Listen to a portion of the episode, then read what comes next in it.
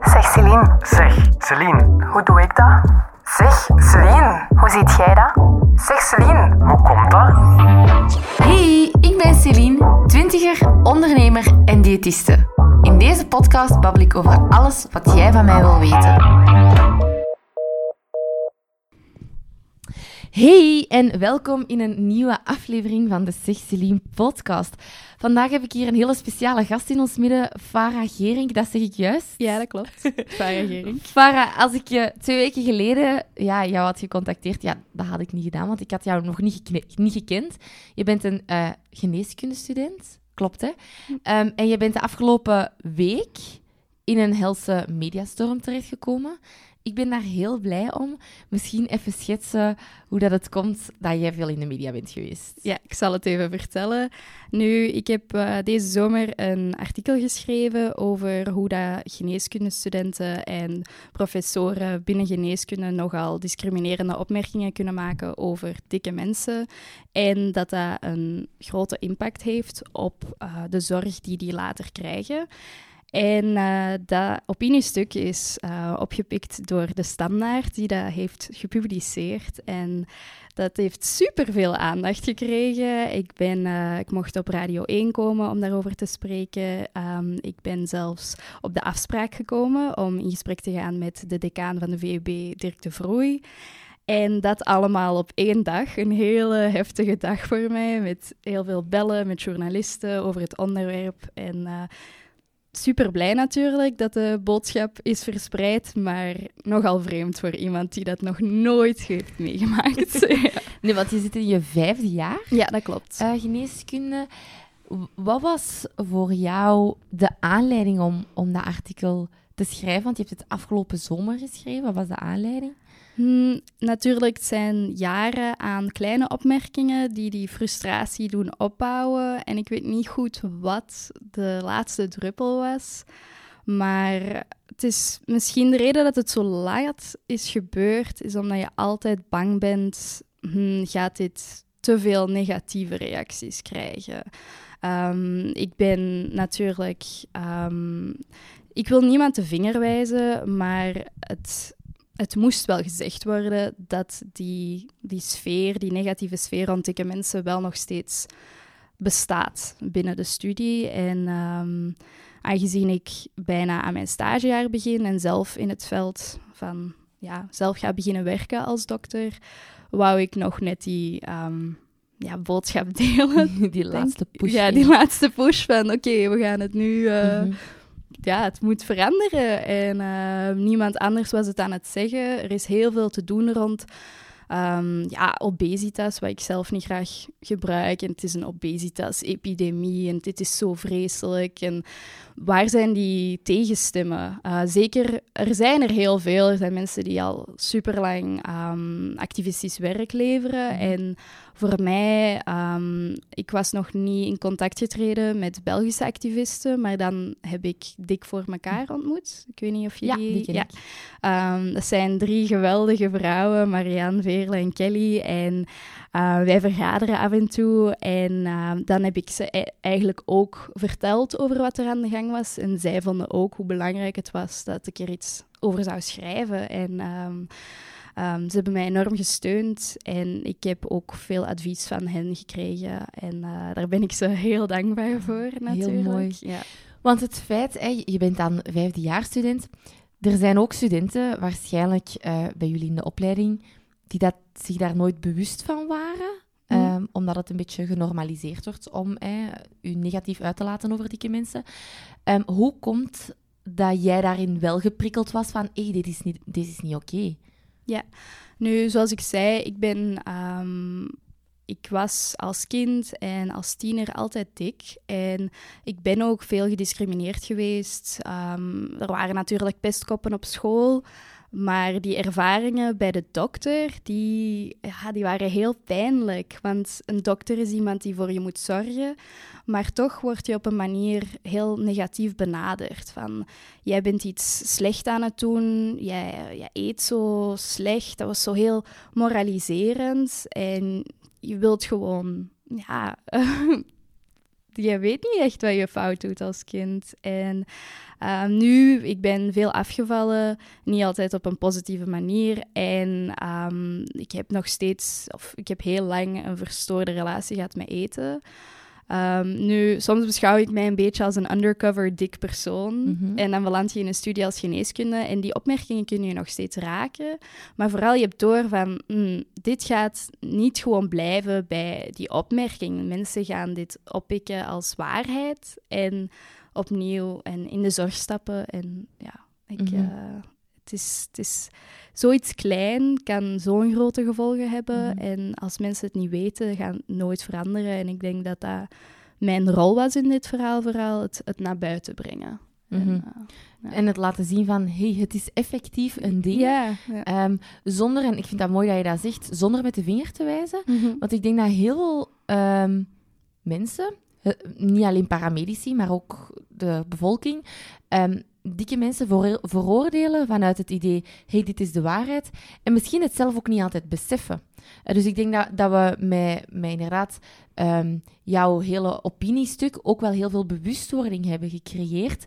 Ehm, langs de andere kant, ik weet niet of, of je de comments hebt gelezen onder eh, een eh, artikel dat dan in de media verschijnt.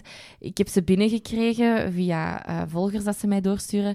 Ze zijn wel schrijnend. Ja, het is toch... Ik heb geprobeerd niet die eh, commentaren te lezen. Ehm, maar ik had ook wel verwacht wat ze zouden zijn. Het is vooral, ja, maar dik zijn is toch gewoon een keuze. Dik zijn is ongezond. En dat was niet echt iets nieuws, want dat hoor ik heel de tijd. Ehm, maar toch ook heel veel positieve reacties. En ook veel die heb heel veel commentaren gekregen van mensen die er gewoon inderdaad nog nooit over nagedacht hadden. En nu zoiets hadden van, oké, wat jij zegt, dat klopt. En dat is wel raar dat ze wij die zorg niet bieden. En Mhm. ehm, dus Ja, en, en er zijn verschillende topics om daar rond te bespreken. Enerzijds hebben we het topic hè, dat ehm, dikke mensen automatisch ongezond zijn. En ehm, dat, dat is zo'n stelling dat zeer kort door de bocht is. Ik probeer daar altijd de nuance te scheppen, wat jij ook doet. Dik zijn kan ongezond willen zeggen, maar dat kan ook gezond willen zeggen. En hetzelfde met dun zijn. Ehm, kan ook gezond willen zeggen, maar kan ook ongezond willen, willen zeggen. Ik, ik, heb, ik ken mensen in mijn omgeving die dun zijn en die zoiets hebben, maar ik kom niet bij. Dus ik eet letterlijk wat ik wil. Ehm, bij wijze van spreken, elke dag naar de frituur gaan. Dat is nu niet, maar weinig bewegen, weinig voor zichzelf zorgen. En als we dat dan vergelijken met een dikker persoon, daar regelmatig gaat sporten, eh, gezonde maaltijden voor zichzelf maakt.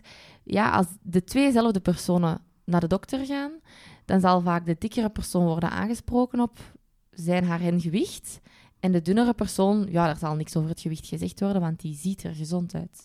Ja, daar heb ik ook al heel veel over nagedacht. In dat als je enkel die dikke mensen gaat aanspreken, als dokter dan, op hoe zij ehm, waarschijnlijk ongezond eten of nooit sporten, dan ga je één, hen discrimineren, ervan uitgaan dat ze bepaalde dingen doen die ze niet per se doen. Aan de andere kant, een heel groot deel van de bevolking wordt dan eigenlijk niet eens goed begeleid in goed eten en nou, ik wil ook wel oppassen met welke woorden ik in de mond neem, want ik vind het heel gevaarlijk om gezondheid te linken aan moraliteit. Mhm. Ehm, want ja, als je bepaald eten ehm, als goed of slecht bestempelt of bepaald gedrag wil ik zeker ook niet.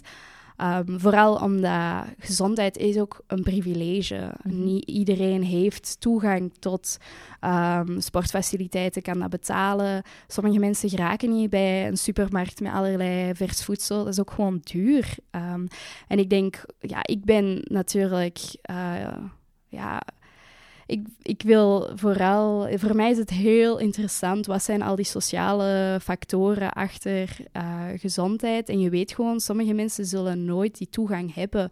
Dan kan je niet, ehm, dan kan je niet spreken over goed of slecht, want ja, het is, Ze eh, hebben er de toegang niet ja, toe dus... en gaan zich op die manier nog slechter voelen omdat ze, ze kunnen geen groente kopen misschien, Mhm. ze kunnen misschien geen fruit kopen. Beweging is inderdaad meer een uitdaging.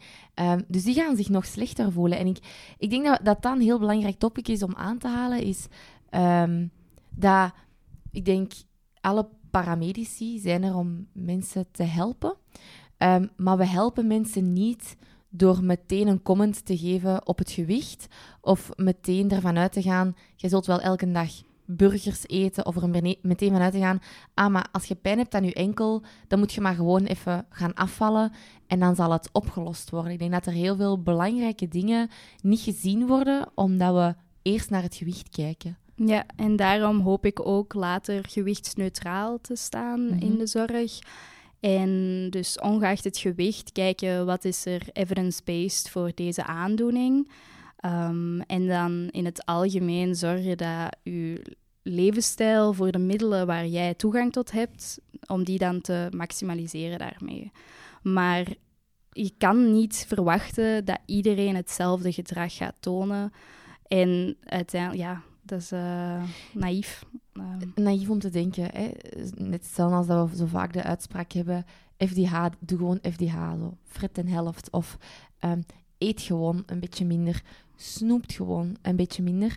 Maar als dat iemand is die bijvoorbeeld heel moeilijk met zijn emoties kan omgaan, dan is dat advies op dat moment gewoon, en eh, altijd, maar veel te kort door de bocht. Zeker. Zoveel mensen die een verstoorde relatie hebben met eten. En inderdaad, soms hebben mensen dat ontwikkeld als een copingmechanisme en dan kan je die daar niet voor beoordelen. Dat is, dat is mentale gezondheid, dat is zo complex. Mensen hebben een bepaalde achtergrond, leren daarmee omgaan. En jij gaat nu gewoon zeggen, ja, um, wees wat sterker en stop met eten. Kom aan, stel je niet aan. Maar die, die hebben die achtergrond niet gehad. Die hebben dat nooit moeten meemaken. Um, en ja, ik vind het ook gevaarlijk. Ik weet dat jij intuïtief uh, mm -hmm. eten aanleert, wat ik een veel betere aanpak van vind dan gewoon diëten. Omdat ja, bij heel veel mensen is het een heel fijne lijn tussen gewoon op dieet en echt eetstoornissen ontwikkelen. Um, en die eetstoornissen, ja, eetstoornissen zijn zo'n gevaarlijke mentale aandoening met zo'n hoge uh, mortaliteit, dat ik denk, pas hiermee op. Dit zijn echt levensbelangrijke zaken om juist, te, um, juist aan te kaarten. Mhm. Dus ja. Ja, en ik denk dat, dat daar ook de bevolking vaak nog het idee heeft dat eetstoornissen vooral gaat om anorexia. Dat we dat zichtbaar zien, terwijl um, dikkere personen ook perfect eetstoornissen kunnen hebben. En daar gaat ja, de medische wereld het gewoon snel, minder snel van oppikken, omdat je er niet uitziet alsof je een eetstoornis hebt. Omdat dat vooral het mentale aspect uh, is, maar je ziet het niet. Um, en ik denk dat we daar ook wel van moeten afstappen, dat een eetstoornis is zoveel meer dan gewoon anorexia. Ik heb bijvoorbeeld zelf bulimie gehad, Mhm. um, maar niemand die het ooit heeft gezien. Ik, heb, ik denk dat twee mensen wisten bij mij dat ik bulimie had twee jaar lang. Um, omdat ik was dikker, niemand zag het bij mij. Dus ja, ze heeft geen eetstoornis, want ze is dikker. Ja, ja, ik denk dat dat zo gevaarlijk is om een ja, eetstoornis aan een bepaald persoon toe te kennen alleen en niet verder te kijken. Um, ja, zoals je zegt, als je dikker bent, mensen hebben niet door dat die ook eetstoornissen kunnen hebben. Ik, toen ik het dikst was, had ik het meest. Ik, ik, soms dat ik ja, een week lang bijna niets at en dan ja, dat werd nooit opgepikt. En als het zelfs zou opgemerkt worden, dan is dat iets positiefs. Hè? Uh, een eetstoornis bij een dik persoon is iets positiefs, want als ze daardoor afvallen... Afvallen is zo het ultieme doel. Uh, en ja, ik denk... Uh... Zelfs bij aandoeningen zoals kanker uh, wordt er regelmatig de opmerking gegeven... Oh, maar op zijn minst ja, valt je wel af. En dat geeft weer hoezeer het, allee, of in hoeverre het eigenlijk niet draait om gezondheid, ja, maar wel om gewicht. Dat is echt, allee, er zijn dan, als je de vraag zou stellen, ben je liever dik en uh, gezond versus dun en ongezond? Ik denk dat heel veel mensen nog steeds voor dun en ongezond gaan kiezen. Om, en dan, dan weet je gewoon, het draait niet om gezondheid. Het is echt gewoon discriminatie van dikke mensen. Mhm. Voor, ja, ze weten hoe hard die gediscrimineerd worden in de omgeving. Ze voelen dat onbewust aan, want anders zou je niet zo'n dingen denken of willen. En um, ja. Ja, en dan in soms denk ik heel kleine dingen. Ik krijg soms uh, reacties van dikkere mensen die zeggen, ja, ik vind geen kleren in mijn maat. Ehm, de dokter die er iets van zegt. Als je gaat zwemmen, je wordt aangekeken. Ehm, als je frieten aan het eten bent, je wordt aangekeken. En, en als ze aan het lopen zijn bijvoorbeeld, worden ze aangekeken. Dus Mhm. ook als ze dan gezond gedrag vertonen, dan nog is het niet goed. En krijgen ze vaak opmerkingen of worden ze extra aangekeken van, amai, je ziet die sporten. Dan denk ik, maar eh, wanneer kunnen dikkere mensen dan eigenlijk goed doen? Ja, daar herken ik mijzelf ook heel in. Tot de dag van vandaag ik, heb ik moeite met eten waar mensen bij zijn. Omdat een dik persoon die eet, dat is gewoon een, ja, een, een theaterstuk. is gewoon zo... Ah, en dan... Of bijvoorbeeld bij sportlessen. Ik merk op dat ik altijd... Ah, één opmerking weet ik nog van de dag tot de dag van vandaag. Ik was nooit de beste loopster, maar... ehm, dus ik wa- was wat trager.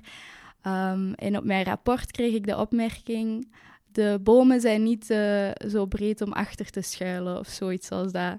En ik, had, eh, ik was gewoon ja, gebroken ehm, om met zo'n rapport naar huis te moeten. Ook al had ik allemaal goede punten, maar dat, dat was. eh, En dat zijn de comments dan. ja, zo'n dingen hoor je gewoon. Alles wat je doet is. is je, kan, je probeert jezelf ook kleiner te maken Mhm. en minder op te vallen, omdat zelfs de kleine dingen, de simpele dingen, worden al ja, bekeken. Ehm, Mhm. Heel moeilijk om zo te, om zo'n goed zelfbeeld te ontwikkelen. Je hebt daar veel meer. Ja. Ja, dus. eh, We hadden het er net ook al over. Heel veel dikke mensen gaan op dieet. En ehm, als ik me even verplaats naar een... allee, of probeer, want ik kan het me niet inbeelden. Het is ook een, een privilege om in een dunner lichaam te zitten. zeker. Ehm, maar als ik me erin probeer te verplaatsen, dan begrijp ik ook dat die mensen op dieet gaan. Omdat ze zo erg gediscrimineerd worden. Ze hebben het, hoe dat je het draait of keert, ze hebben het moeilijker in deze samenleving. Omdat je de hele tijd gediscrimineerd wordt, je wordt aangekeken. Dus het is moeilijker in deze maatschappij om in een dikker lichaam ehm, te zitten. Dus ik begrijp ook hun redenering van, ja, maar als ik dan gewoon wat dunner ga worden, dan ga ik dat niet meer meemaken. En dan zijn er voor hun ook veel dingen opgelost. Niet dat het leven dan veel rooskleuriger is, maar ze moeten wel niet meer dealen met bepaalde moeilijke situaties. Ja, ik begrijp echt volledig waarom iedereen op dieet zou. Allee, ik begrijp dus waarom een dik persoon constant een nieuw dieet probeert, want voor hen is dat een toegang tot een andere maatschappij, de maatschappij van de dunne mensen. En die, die ondervinden die discriminatie. Het is niet gewoon, ehm, ja, de heel dik activisme is ook wel een beetje gekaapt geweest door mensen die daar uiteindelijk een body positivity movement van gemaakt hebben. Natuurlijk is het belangrijk dat iedereen aanvaardt hoe zijn lichaam eruit ziet, maar sommige mensen zoals ik nu gaan niet... ehm, ik kan nog steeds... Ik pas in een zitje in de aula Mhm. nu. Dus sommige mensen geraken gewoon niet eens tussen die banken. En of... Ja, het is... eh, het is groter dan gewoon een slecht zelfbeeld Mhm. hebben. Het is gewoon systemische discriminatie. Je, wordt, je, hebt gewoon minder toegang. Ehm, En wordt constant met de neus op de feiten gedrukt van ik pas hier niet in de maatschappij, Mhm. ik ben niet goed genoeg als je niet in een zitje past in het vliegtuig, in een aula, eh, op restaurant, eender waar dat je komt. En ik denk het ideaalbeeld draagt daar ook een heel belangrijk stuk aan bij. Het feit dat we constant maatje 38 zien. ja, ja. Ehm, Zeker, je moet gewoon ook in de media meer dikke mensen zien die relaties hebben, die gewoon feesten, die gelukkig zijn. gelukkig zijn. En die zijn er natuurlijk. En als je dat niet ziet als dik persoon, dan, dan denk je, ja, die dingen zijn niet bestemd voor mij. Mhm. Ehm, gelukkig zijn er heel veel Instagram-accounts van belangrijke activisten. Ehm, en dat heeft mij heel veel geholpen. Mhm. En ja, volg bijvoorbeeld zeker Dik voor elkaar. Mhm. Ehm, maar er zijn er zoveel meer. Er is nu eh, een nieuwe ehm, TikTok-serie van Mhm. Tatjana Almouli. Die is ook eh, Dikke Vette Leugens. En zo'n dingen bestaan er wel. En gelukkig begint dat langzaamaan te komen. Dat, er, dat die meer in de media... Maar waar zijn die op zo thuis of zo? Heb ik nog niet veel gezien. Maar ik ben zelf geen thuiskijker. maar eh, het moet laagdrempeliger misschien zijn. En niet Ja. gewoon echt op zoek moeten gaan. Het is... Ja, Inderdaad. de- Nu, wat zijn zo veelgemaakte opmerkingen in de opleiding ja, geneeskunde dan? Hè? Daar Mhm. zit jij nu in. Ik denk dat we, dat we dat in, in voeding en dieetkunde Ja. Hadden we dat ook. Ja, ja, Maar om nu even eh, op jouw situatie in te gaan, wat zijn zoveel gemaakte opmerkingen over dikkere mensen? Mm, het kan heel klein zijn. Eh, bijvoorbeeld, ehm, we spreken een bepaalde aandoening zoals hypertensie. En er zijn linken met een hoger gewicht. Dat is correlatie, niet per se causatie. Ook al geloof ik zeker dat daar iets van link kan bestaan. Ehm, maar als je op dat moment bespreekt, dikke mensen hebben hypertensie en op de achtergrond een foto projecteert van een dik persoon die een hamburger aan het opeten is, dan het maakt niet uit, het is visueel in je, ja, in je hersenen geprent van oké, dat, dat is een dik persoon, die is een hamburger aan het eten, ik ben aan het praten over een bepaalde ziekte die daaraan gelinkt is. Super subtiel wordt dat wel in je hersenen verwerkt van en dat later zal dit ook een impact hebben op hoe je praktijk ehm, uitvoert. Sorry, was een beetje. Oké. Nee, ehm, maar soms heb ik gewoon een eh, professor die een casus van ehm, hem bespreekt, een kindje met astma. En die neemt niet goed zijn puffers, of die gebruikt die niet voldoende. En die is ook dik. Maar dan maakt hij een opmerking van, ja, hij is van zijn therapietrouw, therapietrouw overgegaan van drie puffers per dag naar drie dorms per dag. En dan denk ik, hmm, dat is wel heel uitgesproken negatief. Of dat is, dat is wel heel kort door de bocht. Dat dat allem, ja, ik, eh, toen schrok ik gewoon. Dan dacht ik... En dan heeft iedereen gelachen. En ehm, ik wil geen namen noemen. En ik wil eigenlijk die... Ik ga ervan uit dat die niet beter weten. Maar dat heeft een enorme impact. Dat is zo gevaarlijk. Dat zeg je niet gewoon. Ehm, ja, dat, dat zijn nu twee elementen. En gewoon die thema's van dikke mensen zijn lui, dikke mensen luisteren niet naar ons. We zeggen tegen dikke mensen val af en ze doen het niet. Eh, Ja, ze hebben zo weinig vertrouwen in hen. En hoe kan je ervan uitgaan dat als het, hoe kan je dan verwachten dat een dik persoon naar de dokter gaat en nog luistert naar u als jij ervan uitgaat dat zij dat niet gaan doen? En.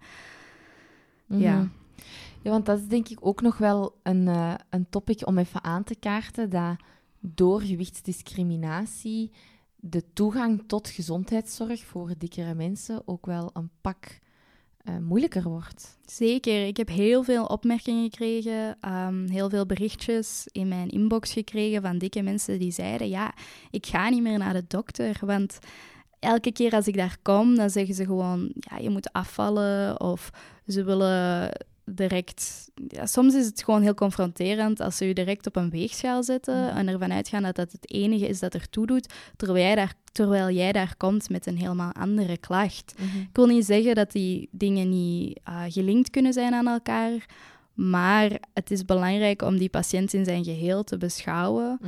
Ehm, En stel dan nog, stel we hebben iemand voor ons, want dat is een reactie dat ik heel vaak heb gekregen van, oké, maar stel dat je iemand hebt met hoge cholesterol, hoge bloeddruk, ehm, hoge buikomtrek eh, en dus veel eh, mogelijk, eh, want dan heb je nog twee soorten vet. Je hebt eh, het Mhm, visceraal vet, eh, dat het meest schadelijk is hetgeen waar rond je organen zit. Eh, stel we hebben dan effectief een dikker persoon voor ons die een ongezonde levensstijl heeft, dan nog is het advies afvallen gewoon fout. Ehm, waarom? Omdat die persoon heeft misschien al superveel gedaan om af te vallen, de diëten, en is uiteindelijk, dat is hetgeen wat we uit wetenschappelijk onderzoek zien, hè, 95% van de mensen die op dieet gaan, die komen binnen de 2 à 5 jaar al hun gewicht terug aan en nog meer. ja. En dat is hetgeen wat heel vaak nog wordt aangeraden van, ga dan gewoon op dieet. Ehm, ik, mijn mening is dat we, als, er echt eh, parameters zijn, zoals een hoge cholesterol en een hoge bloeddruk of andere zaken nog, ehm, dan, dan is het inderdaad belangrijk dat we daar iets aan gaan doen voor later. Ehm, maar er is dan een verschil tussen eens gaan bevragen van hoe zit je in je vel, Ehm struggelt je met bepaalde dingen in je leven. En als daar dan uitkomt, ah, ik heb misschien wel regelmatig eetbuien. Emotie eten is wel een ding. Ehm, ja, dat emotie eten en eetbuien kan een impact hebben op je gewicht als we dat heel veel gaan doen. Wa- want dan e- we eten geen appels als we willen emotie eten. We eten geen frambozen als je een eetbui hebt. Dat zijn dan vaak de chipsjes en de, koekjes, de koekjes dat we dan gaan eten. Ehm, en dan is het belangrijk om net daar de oorzaken te gaan aanpakken. Zijn de die eetbuien, dat emotie eten of whatever dat daar ook aan de oorzaak kan liggen. In plaats van val af. Omdat op ons gewicht hebben we helemaal niet veel impact. Op ons gedrag wel. Maar het is net eens af en toe dieper durven gaan dan val af. En eens te gaan kijken, oké, maar stel die heeft dan een hoger gewicht en die is ongezond. Wat is daar de oorzaak van? Wat, aan welk gedrag ligt dat? Heeft hij misschien een superdrukke job, vier kinderen en heeft hij helemaal geen tijd om te koken? Dan is het advies, kook gewoon gezond, niet zo heel simpel. Dan moeten we gaan kijken, kun je hulp krijgen van anderen? Ehm, ja, whatever dat dan oplossingen mogen zijn, is het belangrijk om daar naar te gaan kijken. En ik vond dat heel mooi dat je dat ook al zei, van echt op individueel niveau met de, met de achtergrond te gaan Mhm. kijken, wat is er haalbaar voor u? Ja, ik ga volledig akkoord van waarom zou je iets dat volledig buiten je controle valt, je gewicht proberen op in te spelen. Ga gewoon kijken naar het gedrag, wat zit daarachter, wie is die persoon. En ehm, dat is te weinig dat dat gedaan wordt. En ook hoeveel dokters geloven er nog in dat het zo simpel is als minder calorieën innemen en meer calorieën verbruiken. Dat is zo achterhaald. En ehm, de, de gevaren van diëten en hoe slecht dat is voor je metabole gezondheid, dat wordt, dat wordt gewoon niet aangeleerd. Of er Mhm. zijn lessen die dat aanleren, maar dan moet elke dokter daar opnieuw een bijscholing krijgen, denk ik dan. Ehm, maar ehm, ja, het is heel belangrijk om dat advies op maat te creëren. Ook wel, wat voor soort eten ehm, maak jij klaar? Voor mij was dat toen dat ik... Ik ben als kind dan naar een diëtiste gegaan en ik kreeg van die afbeeldingen te zien van... Oké, dus dit is een bord spaghetti en jij moet dan zo een derde van dat bord spaghetti eten. Maar ik dacht van, hm, ik eet eigenlijk nooit spaghetti. Mijn mama maakt... ehm, ja, zij maakt vooral Chinees eten klaar Ja. voor mij. Ik ben...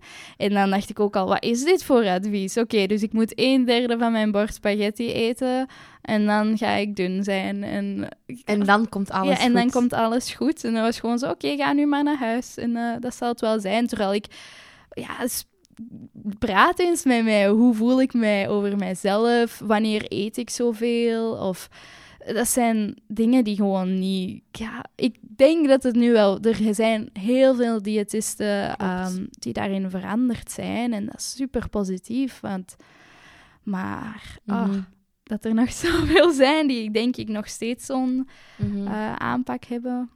Ja, ja, inderdaad. Er zijn al, er, en daar vind ik super positief. Er is in het diëtistenlandschap echt een hele grote switch aan het plaatsvinden. Of heeft eigenlijk ook al plaatsgevonden. eh, met diëtisten die veel meer ehm into ja, dat intuïtief eten komen. Mhm. Of zelfs zonder dat ze per se de specialisatie intuïtief eten hebben, die wel ehm, hun klanten echt dieperliggend gaan begeleiden eh, met emotie eten, met eetbuien.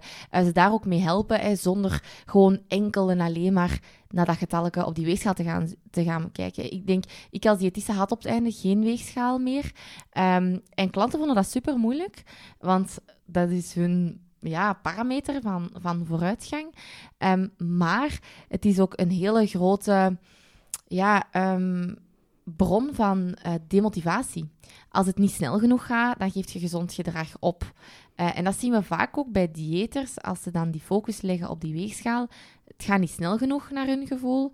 Ze geven op, maar ze geven tegelijkertijd dus ook gezond gedrag op. Hetgeen wat net goed is voor hun gezondheid. Allemaal voor dat gewicht. Ja, echt heel goed gezegd. En ik denk dat we op zoek moeten naar andere parameters, zoals hoe vaak moet jij actief nadenken over je voedsel. Als je die relatie herstelt, dan komt dat veel meer vanzelf. Dan voel je... Ik heb dat ook als ik een week op vakantie ben gegaan en ik, eh, ik heb heel weinig groenten gegeten. Ik heb echt heel veel zin in gewoon een bord vol groenten.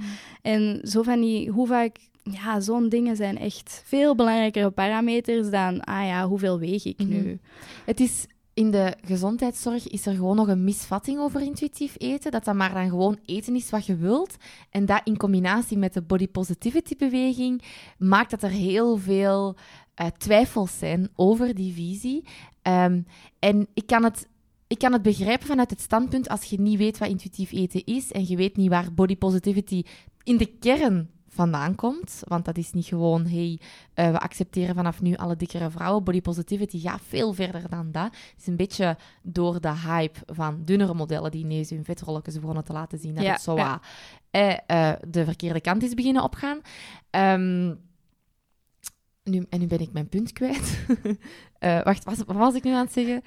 Eh, ja, het was op. Oh, het was verder aan het gaan op eh, dat ik zei van die eh, andere parameters van hoe en Ah ja, bij, ehm, ah, van, gezond, eh, van, ehm, ja, ja, ja, van ehm, gezondheidsverleners, dat er vaak nog ehm, heel veel ja, misverstanden zijn rondom die visie van intuïtief eten. Ja. Maar als we puur gaan kijken naar die visie van intuïtief eten, dat bestaat uit tien stappen.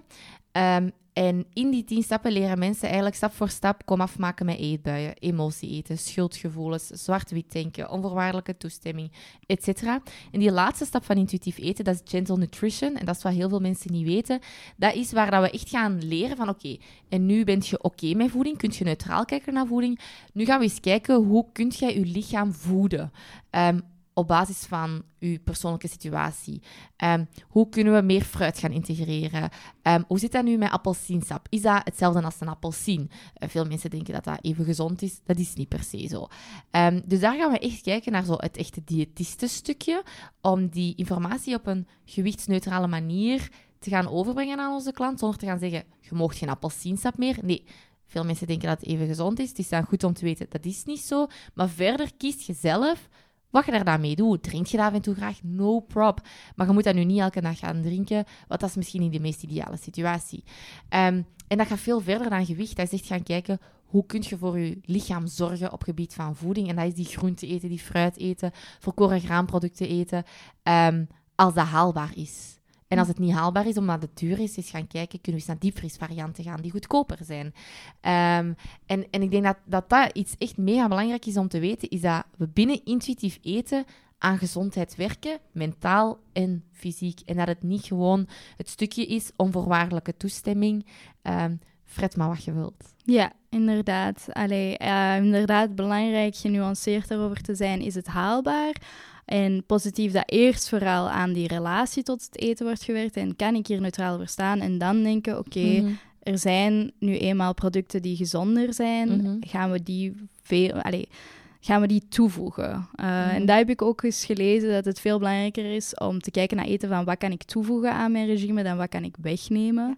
Um, dus dat is een heel positieve. Wil jij nog steeds je appelsiensap drinken, maar wil je ook gewoon wat appelsine eten daarbij? En dan zie je wel, ja, dus, um, dus Ja, het hele ehm bloedsuikerspiegelverhaal is ook zo'n eh, echte hype geworden. Hey, we mogen geen snelle suikers meer, want we gaan meteen diabetes Ja. krijgen. En dat is ook zo heel eh, allemaal ja, en ik denk kort ook door de bocht. Ja, en ik denk ook de stress om constant met eten bezig te zijn en de chronische stress van ja, gediscrimineerd te worden, dat dat ook zo'n negatieve gevolgen heeft en die mogen niet vergeten zijn, vergeten worden. En eh, hoe een groot deel van de gezondheidsgevolgen van een hoger gewicht li- hebben, ligt aan het feit dat die gediscrimineerd worden binnen onze maatschappij.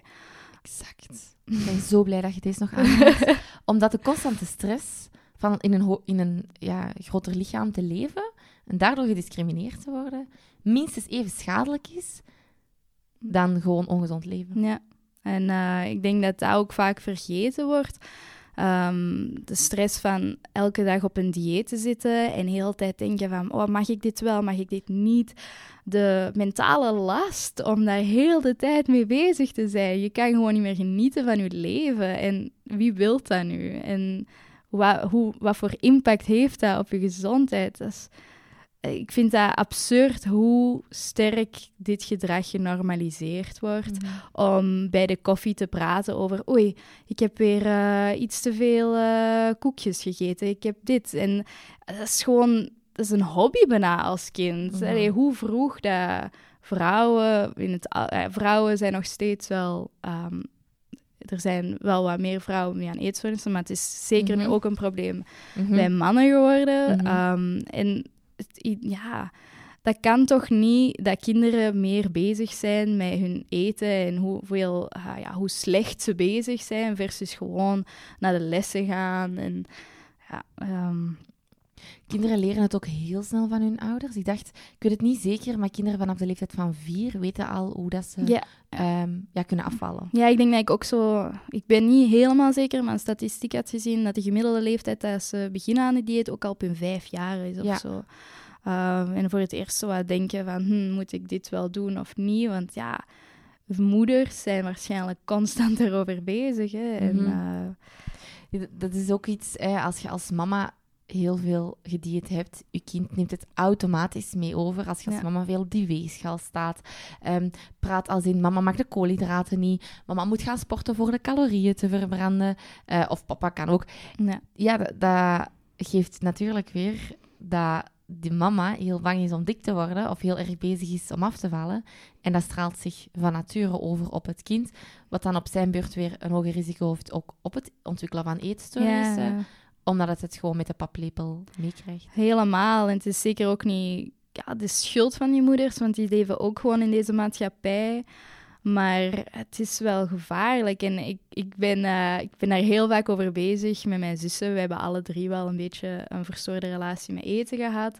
En wij willen ten koste, ten koste gewoon zorgen dat onze kinderen dat niet, uh, dat niet meekrijgen. Tenminste niet van ons. We gaan niet kunnen controleren wat die in de maatschappij zien. Maar ja, ja. Nee, we kunnen ze ook niet in een ehm, gouden kooi steken of zo. Dus we kunnen zelf wel... We hebben, we hebben zelf een grote impact, denk Mhm. ik, op de relatie. Ehm, ja, dat, dat kinderen ontwikkelen met voeding. Maar ehm, ze, worden- ze komen nog altijd in de maatschappij terecht waar dat er heel erg uh, weightstigma is, waar, waar, ja, waar, waar dat, dat gewoon nog heel erg in aanwezig is. En ik geloof ook in de toekomst wel zal blijven. We mogen niet naïef zijn Nee. en ervan uitgaan dat het volledig eh, weg gaat gaan. Het zal hopelijk eh, ja, een positieve evolutie kennen. Maar we kunnen wel in gesprek gaan met kinderen. Dat als ze op school leren over gezond-ongezond, wat ze nog steeds leren, Mhm. ehm, dat we in gesprek durven gaan met onze kinderen van, als ze dan thuiskomen met ik mag geen choco meer eten, want het is ongezond. Ah, is, is dat zo? Mocht je geen choco meer eten? Is dat wat je wilt? Ehm, denk je dan dat dunne mensen nooit meer choco eten of dat dikke mensen nooit choco eten? Dus die, die gesprekken aangaan zijn eh, denk ik heel belangrijk om je kind veerkracht te geven. Ja, zeker. Want sommige mensen die hebben ook commentaren van ja, mogen we dan niet meer zeggen tegen onze patiënten dat, ja, dat, dat ze dikker zijn en zo. En ik, nee, dat is niet waar. Je mag het natuurlijk bespreken. Maar eh, ja, ehm, dat is gewoon... Je moet de juiste vocabulaire gebruiken en ehm, niet ja, zo van eh, je mag nooit dit doen, zo'n uitspraken. Ja, dat, is, eh, dat creëert gewoon...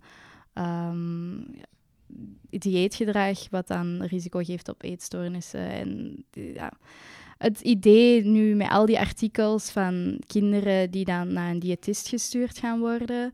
En dat samen met... ehm, ik weet dat er heel veel kinderen nu ook op de pediatrieafdeling met eetstoornissen zitten. En die twee elementen samen, hoe kan je dat ehm, goed praten? Dat... Ja, hoe rijmt je het dat we, allee, of heel veel mensen nog steeds diëten promoten, maar dat we anderzijds eh, een stijging zien? Ik weet het, ik had een studie gelezen over zes jaar dat we een stijging hadden gezien van 120 procent eh, met eetstoornissen. Mhm. En dan denk ik, hoe, hoe rijmen we die met elkaar? En we hebben het heel veel, allee, in de media zien we het ook, hè, ehm, psychologen zitten allemaal vol. Eetsto allee, Ja, ja. De wachtlijsten voor eetstoornissen voor een kliniek zijn een half jaar, een jaar, ik- zeker ondertussen. Volgens mij minstens een jaar ondertussen, ik weet het niet zeker. Ehm, maar de wachtlijsten zijn heel lang, maar ze zullen langer worden als we kinderen op dieet blijven zitten. Ja, dat is zo gevaarlijk. Want hoe kan je dus leven met het feit dat we de, de gedragingen bij eetstoornis... oh, Mhm. Hoe kan je leven met het fe- feit dat we de gedragingen bij mensen met eetstoornissen net stimuleren bij dikke mensen? Van drink gewoon water als je honger hebt. Zo van die zaken. Dat is... Dat is- en ik... Ja... De, zijn, ja, en ik, ik denk met deze podcast, ik hoop dat heel veel paramedici hem gaan luisteren, ehm, dat, dat, we niet met, dat ze niet voelen dat we met de vinger wijzen, maar dat we vooral even zo die bewustwording willen verhogen van, als je dan een, ehm, een dikkere patiënt in je, in uw praktijk hebt, ehm, probeer dan niet meteen ehm, iets over dat gewicht te zeggen, maar probeer eerst eens te vragen, hoe, hoe voelt je je? Ehm, struggelt je met iets? En ik weet dat er ook niet altijd de tijd voor is, want ja, waarschijnlijk ook als huisarts, maar ook in een, in een kliniek heb je niet uren de tijd om met je klanten of met je patiënten te praten. Maar ik denk dat daar wel het verschil in zit, in dat soort vragen stellen. En op die manier misschien eens achterhalen van, ah, is, hier- is hier iets aan de gang? Eh, maar, de- en dat moeten we even goed bij dunne mensen doen trouwens. Ja, ik begrijp Maakt het uit. zeker. Wij zitten met dat tijdsgebrek, ehm, maar je, kan, je moet gewoon proberen, ook al is het met een vragenlijst, zowel bij dunne als dikke mensen, eens eens polsen als huisarts van oké, wat is hun relatie tot eten, wat is hun relatie tot sport? Dan ga je alle dunne mensen die op dat moment metabool ongezond zijn oppikken en alle dikke mensen die perfect gezond gedrag voor, eh, vertonen, dan kunnen die gewoon blijven verder gaan Mhm. daarmee. En dan win je daar ook tijd mee. En mij niet elke keer dat zij binnenkomen nog eens vermelden van je moet wel dit doen. Dat kan een dik persoon zijn die heel veel sport en gewoon eet zoals die wilt eten. Met, ja, dus intuïtief eten. Ah ja, niet Mhm. eet zoals ze wilt eten. Nee, maar, Maar ja, snap het. die al een eh, positieve relatie heeft met eten. Mhm. En dan ga je die juist niet triggeren daarin Mhm. om zo'n opmerking te maken en al die de jaren aan werk in de vuilbak gooien Mhm. of zo van die zaken. Ja. Ik weet dat er echt te weinig tijd is heel vaak, maar begin dan op zoek te gaan met manieren om het beter te doen. Ja. Die zijn, allee, dat moet toch kunnen. Ehm, nee, ehm, nou, ik was even draad kwijt. ik wou nog iets zeggen, maar... eh, Geen probleem. Ehm, wat zou je aan mensen aanraden die gestigmatiseerd worden?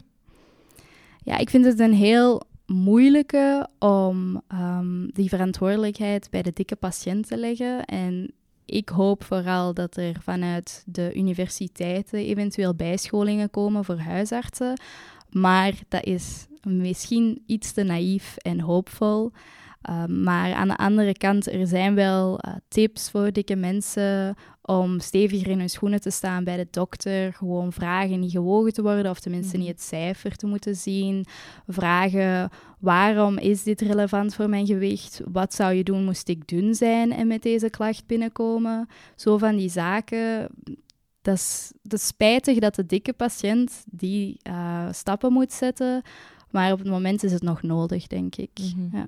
En kan het misschien wel voor verandering zorgen dat mensen er dan gaan over nadenken? Van, Dat- Ah ja, ik zou ditzelfde advies inderdaad niet ehm, aan een dun persoon geven. Inderdaad, als, eh, als je binnenkomt met kniepijn, je bent dik, dan is het Mhm. vaak eh, val af. Maar er is ook kinesietherapie en zo'n zaken. Waarom krijg ik dat advies niet? Exact. Ehm, Misschien nog een ehm, hele mooie laatste vraag. Wat zijn enkele van ja, de belangrijkste boodschap die dat je wilt overbrengen aan zowel medische professionals als het bredere publiek over dit onderwerp? Ik denk vooral probeer niet weg te lopen van deze conversatie uit een soort schuldgevoel of bang zijn dat je iets fout aan het doen bent. Denk gewoon, oké, misschien heb ik het tot nu toe eh, op de foute manier gedaan, maar het is niet te laat om daar meer over te lezen en ervoor te zorgen dat meer dikke mensen de zorg krijgen die ze verdienen. Er zijn zoveel vers- verschillende boeken. Ehm, bijvoorbeeld, ik weet niet, Joshua Walrich, die Mhm. ja, Van voedsel- Food Isn't Ja, Medicine. Food Isn't Medicine. Want hij is het ideale voorbeeld om aan te tonen. Dat was een dokter, die was ehm, heel actief in dieetcultuur, eh, wilde zelf eh, sterk heel veel afvallen, maar is dan in contact gekomen met de wereld van intuïtief eten, heeft alles omgegooid en is nu zelf iemand die Health at Every Size eh, approach heeft tot geneeskunde. Dus het kan en dat is al een stap één. Als je dat boek leest, dat is heel veel van de dingen die wij leren binnen geneeskunde. Dat ontkracht heel veel van die zaken. Ehm, ja. Exact. Dus inderdaad, food isn't medicine. En we hebben ondertussen is daar ook een Nederlandstalige Ja, versie van voedsel uit. is geen medicijn. Ja, hetzelfde boek. Ik weet niet of je dat kent. ehm The No Need to Diet boek van Pixie Turner. Die wil ik Eh, nog lezen, ja. Ja, echt ook een, een top eh, boek om eh, als gezondheidsprofessional ook u erin meer, eh, meer in te, gaan verdiepen. Ja, en het is ook gewoon heel interessant. En ik denk dat er is geen enkele wetenschapper die er niet meer wilt weten over pathofysiologische mechanismen. Dus ja, lees wat meer. Eh, Oké. Nee. Ik denk een heel, bood, mooi- amai, een hele mooie boodschap om ehm, mee af te sluiten. Merci, Farah, om eh, tot hier te komen. Ik, ik vind het zalig dat we dit gesprek kunnen hebben. Ehm, ik hoop dat er in de toekomst heel wat veranderingen komen, dat jij daarmee impact, impact eh, op mocht maken. Maar ik denk dat je met je boodschap eh, al een heel belangrijk iets in de wereld hebt gezet. Dankjewel. Heel erg bedankt dat ik hier mag zijn om hier meer over te praten. Het was ook gewoon een supergezellig gesprek. en leuk om met iemand te praten die dezelfde ideeën deelt. Heel graag gedaan. En wie weet, tot een volgende keer. Graag. Doei! Dag. Merci om te luisteren naar deze aflevering. Heb je zelf nog een Zeg Celine vraag, dan kun je die altijd insturen via de link in beschrijving.